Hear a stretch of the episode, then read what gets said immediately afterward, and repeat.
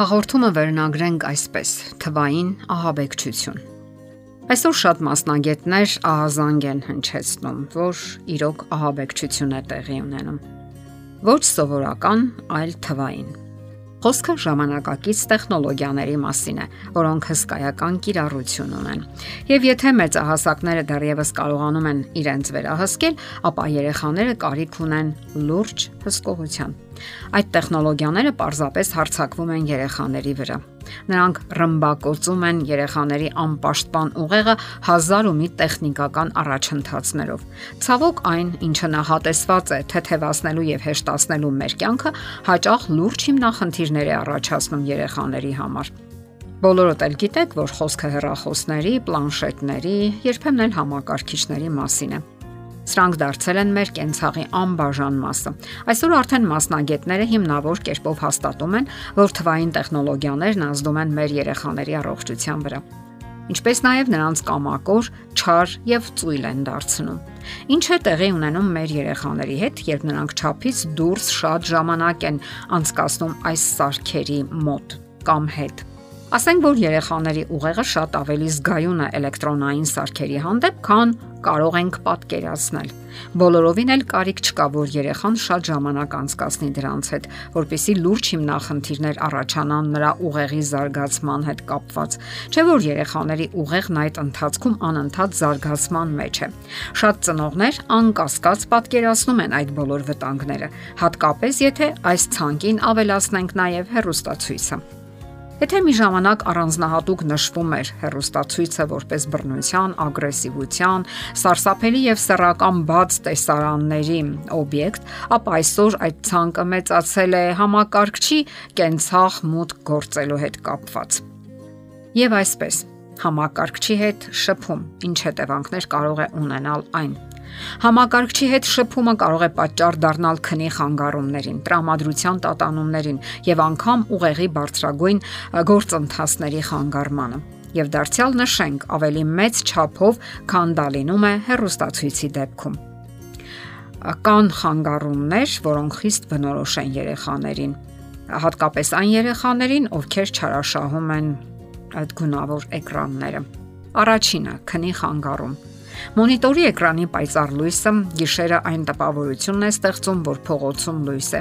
Դա արգելափակում է մելատոնին հորմոնի արտադրությունը, որը պատասխանատու է մարդու օրական ռիթմերի կարգավորման համար։ Եթե երեխան գիշերը ընդամենը մի քանի րոպե անգամ ձեռքն է վերցնում հեռախոսը, ապա դա մի քանի ժամով հետաձգում է մելատոնինի արտադրությունը, ինչի արդյունքում մեծանում է հորմոնային անհավասարակշռության զարգացումը եւ ուղեղում բորբոքային գործընթացների առաջացման հավանականությունը։ Եվ ընդ որում գրգռվածության բարձր մակարդակը խոչընդոտում է խորքնի փուլին անցնելուն եւ այդ փուլի ժամանակ պետք է օրգանիզմը վերականգնվի։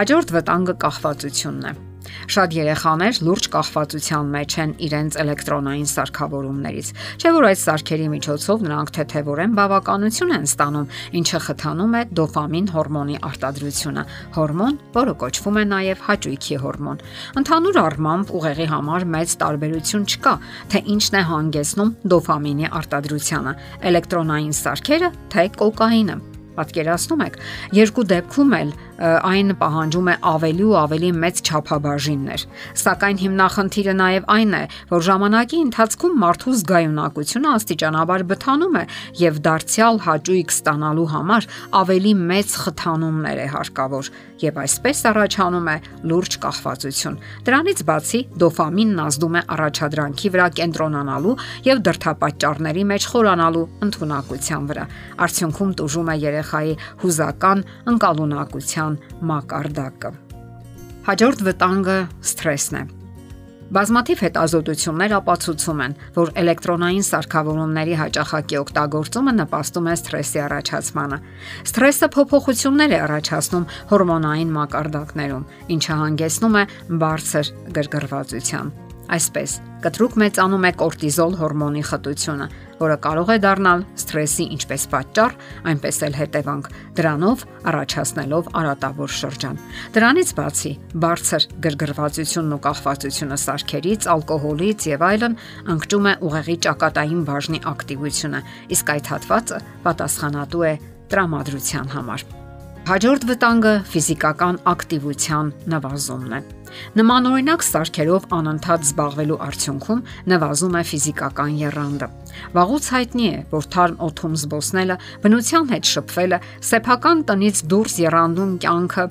կանխում են սթրեսի առաջացումը, բարելավում կենտրոնացումը եւ ուշադրությունը, նվազեցնում ագրեսիայի մակարդակը։ Ստացվում է, որ որքան շատ ժամանակ է երեխան անցկացնում էլեկտրոնային սարքավորումների հետ, այնքան քիչ ժամանակ է անցկացնում բնության հետ, որը տրամադրության բնական խթանիչ է։ Գաղտնիք չէ, որ երեխաները նախկինում շատ ավելի ժամանակ էին անցկացնում բակերում։ Խաղը նրանց համար լիցքաթափվելու հիանալի միջոց էր եւ կոփվելու, ինչպես նաեւ շփվելու առիթ։ Նրանք ավելի հաճախ էին շփվում բնության հետ, իսկ այսօր նրանք ավելի շատ ժամանակ են հատկացնում էլեկտրոնային սարքավորումներին։ Այնպես որ ծնողները պետք է ուշադիր լինեն, թե ինչով են զբաղված իրենց երեխաները։ Նրանց հնարավորություն տվեք, որ նյարդային համակարգը հանգստանա լարվածությունից հետո։ Սահմանափակեք այդ սարքերի հետ նրանց շփումը։ Օգնեք, որ երեխան լինի զուսպ եւ հանգիստ խաղաղ հավասարակշիռ, ինչը եւ կնպաստի, որ նա դառնա երջանիկ անznավորություն։ Եթերում ընտանիք հաղորդաշարներ։ Հարցերի եւ առաջարկությունների համար զանգահարել 033 87 87 87 հեռախոսահամարով։